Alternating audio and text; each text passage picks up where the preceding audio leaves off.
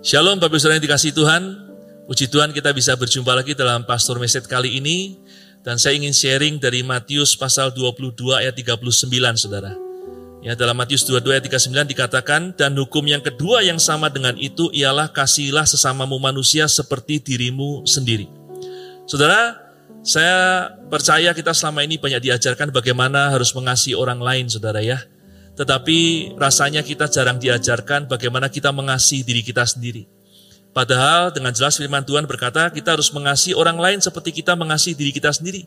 Karena itu kita harus bisa mengasihi diri kita sendiri lebih dulu sebelum kita bisa mengasihi orang lain. Kalau kita belum bisa mengasihi diri kita sendiri, maka kita belum bisa mengasihi orang lain seperti yang Tuhan maksudkan. Betul saudara? Nah itu dalam kesempatan ini saya ingin sharing bagaimana kita harus mengasihi diri kita sendiri. Saudara, ada orang mengatakan kita mengasihi diri kita sendiri dengan cara kita makan enak, kita sering bepergian, sering berlibur, ya, ada me time, saudara, dan lain sebagainya. Tetapi bukan itu yang mau saya maksudkan, saudara. Bukan itu yang mau saya bagikan. Ada dua hal, saudara, yang saya mau bagikan dalam kesempatan ini. Saudara, kalau kita baca Hakim-Hakim pasal 6, di sana diceritakan waktu orang Midian menganiaya orang Israel.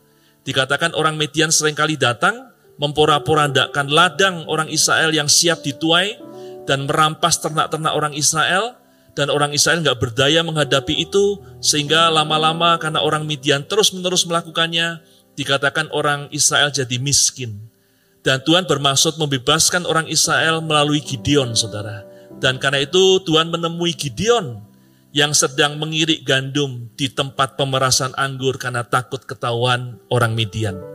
Dan di Hakim-Hakim 6 ayat 12, Tuhan menyapa Gideon. Dikatakan malaikat Tuhan menampakkan diri kepadanya dan berfirman kepadanya demikian. Tuhan menyertai engkau, ya pahlawan yang gagah berani.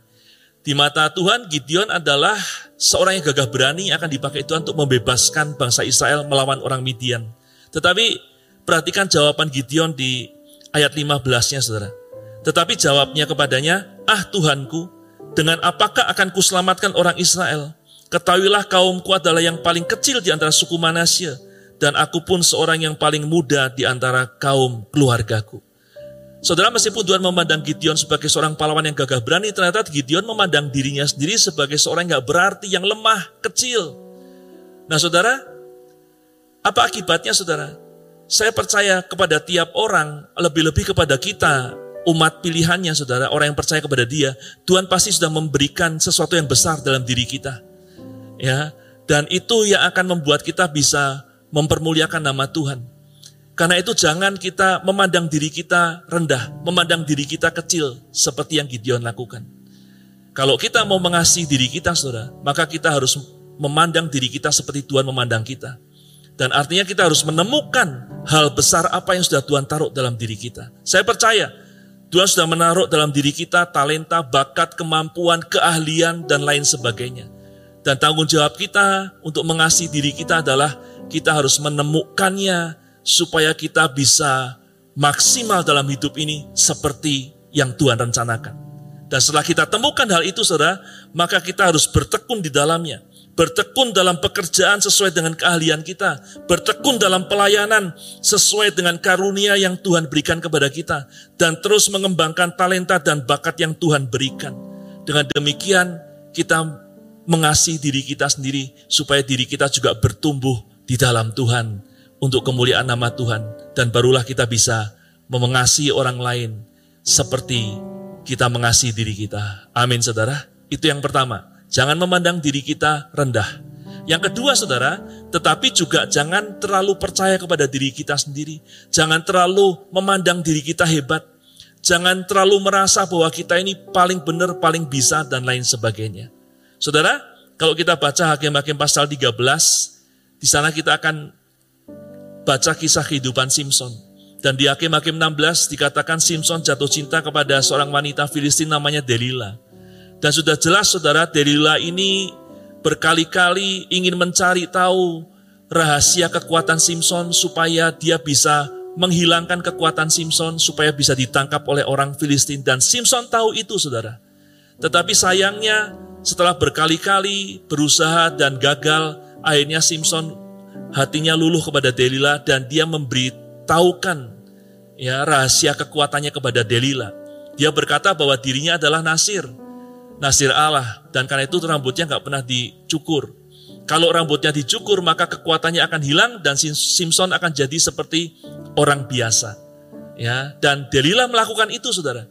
Dia memanggil orang Filistin waktu Simpson tidur dan mereka mencukur rambut Simpson dan setelah selesai dicukur, Delila membangunkan Simpson dan di Hakim-Hakim 16 ayat 20, Delila berkata begini, Lalu berserulah perempuan itu, orang Filistin menyergap engkau Simpson, maka terjagalah ia dari tidurnya serta katanya, seperti yang sudah-sudah, aku akan bebas dan akan meronta lepas. Tetapi tidaklah diketahuinya bahwa Tuhan telah meninggalkan dia. Simpson terlalu percaya diri, terlalu memandang dirinya hebat, sehingga saudara dia berpikir kalaupun dia tidak taat sama Tuhan, kalaupun dia melanggar perintah Tuhan, dia akan tetap hebat, tetap, tetap akan kuat. Tetapi dia tidak sadar bahwa itulah kesombongan yang ada dalam dirinya, sehingga akhirnya dia menceritakan rahasia kekuatannya kepada Delila, dan waktu itu terjadi, Simpson kehilangan kekuatannya. Dan kita tahu saudara, pada akhirnya Simpson ditawan orang Filistin sampai akhir hidupnya. Saudara kalau kita mau mengasihi diri kita sendiri, selain yang pertama kita jangan memandang diri kita rendah, karena Tuhan pasti menaruh hal besar dalam diri setiap kita. Maka yang kedua juga jangan terlalu memandang diri kita hebat, sampai kita lupa sama Tuhan, sampai kita berani melanggar perintah Tuhan. Karena itulah kesombongan dan awal kejatuhan setiap orang. Amin saudara. Kalau dua hal ini kita lakukan, maka saya percaya kita akan bisa bertumbuh maksimal di dalam Tuhan.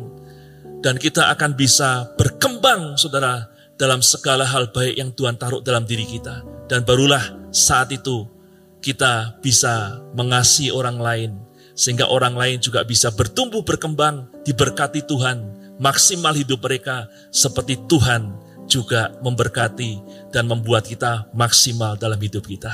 Amin saudara, itu kerinduan saya, biar kita mari mengasihi diri kita sendiri, mengasihi diri kita masing-masing dengan satu, jangan memandang diri kita rendah, dan dua, jangan terlalu percaya diri, jangan terlalu merasa bahwa diri kita hebat, supaya kita bisa bertumbuh sepenuhnya dalam kasih karunia dari Tuhan. Saya berdoa biar pesan ini jadi berkat buat kita semua. Sampai berjumpa dalam pastor message selanjutnya. Tuhan memberkati dan shalom.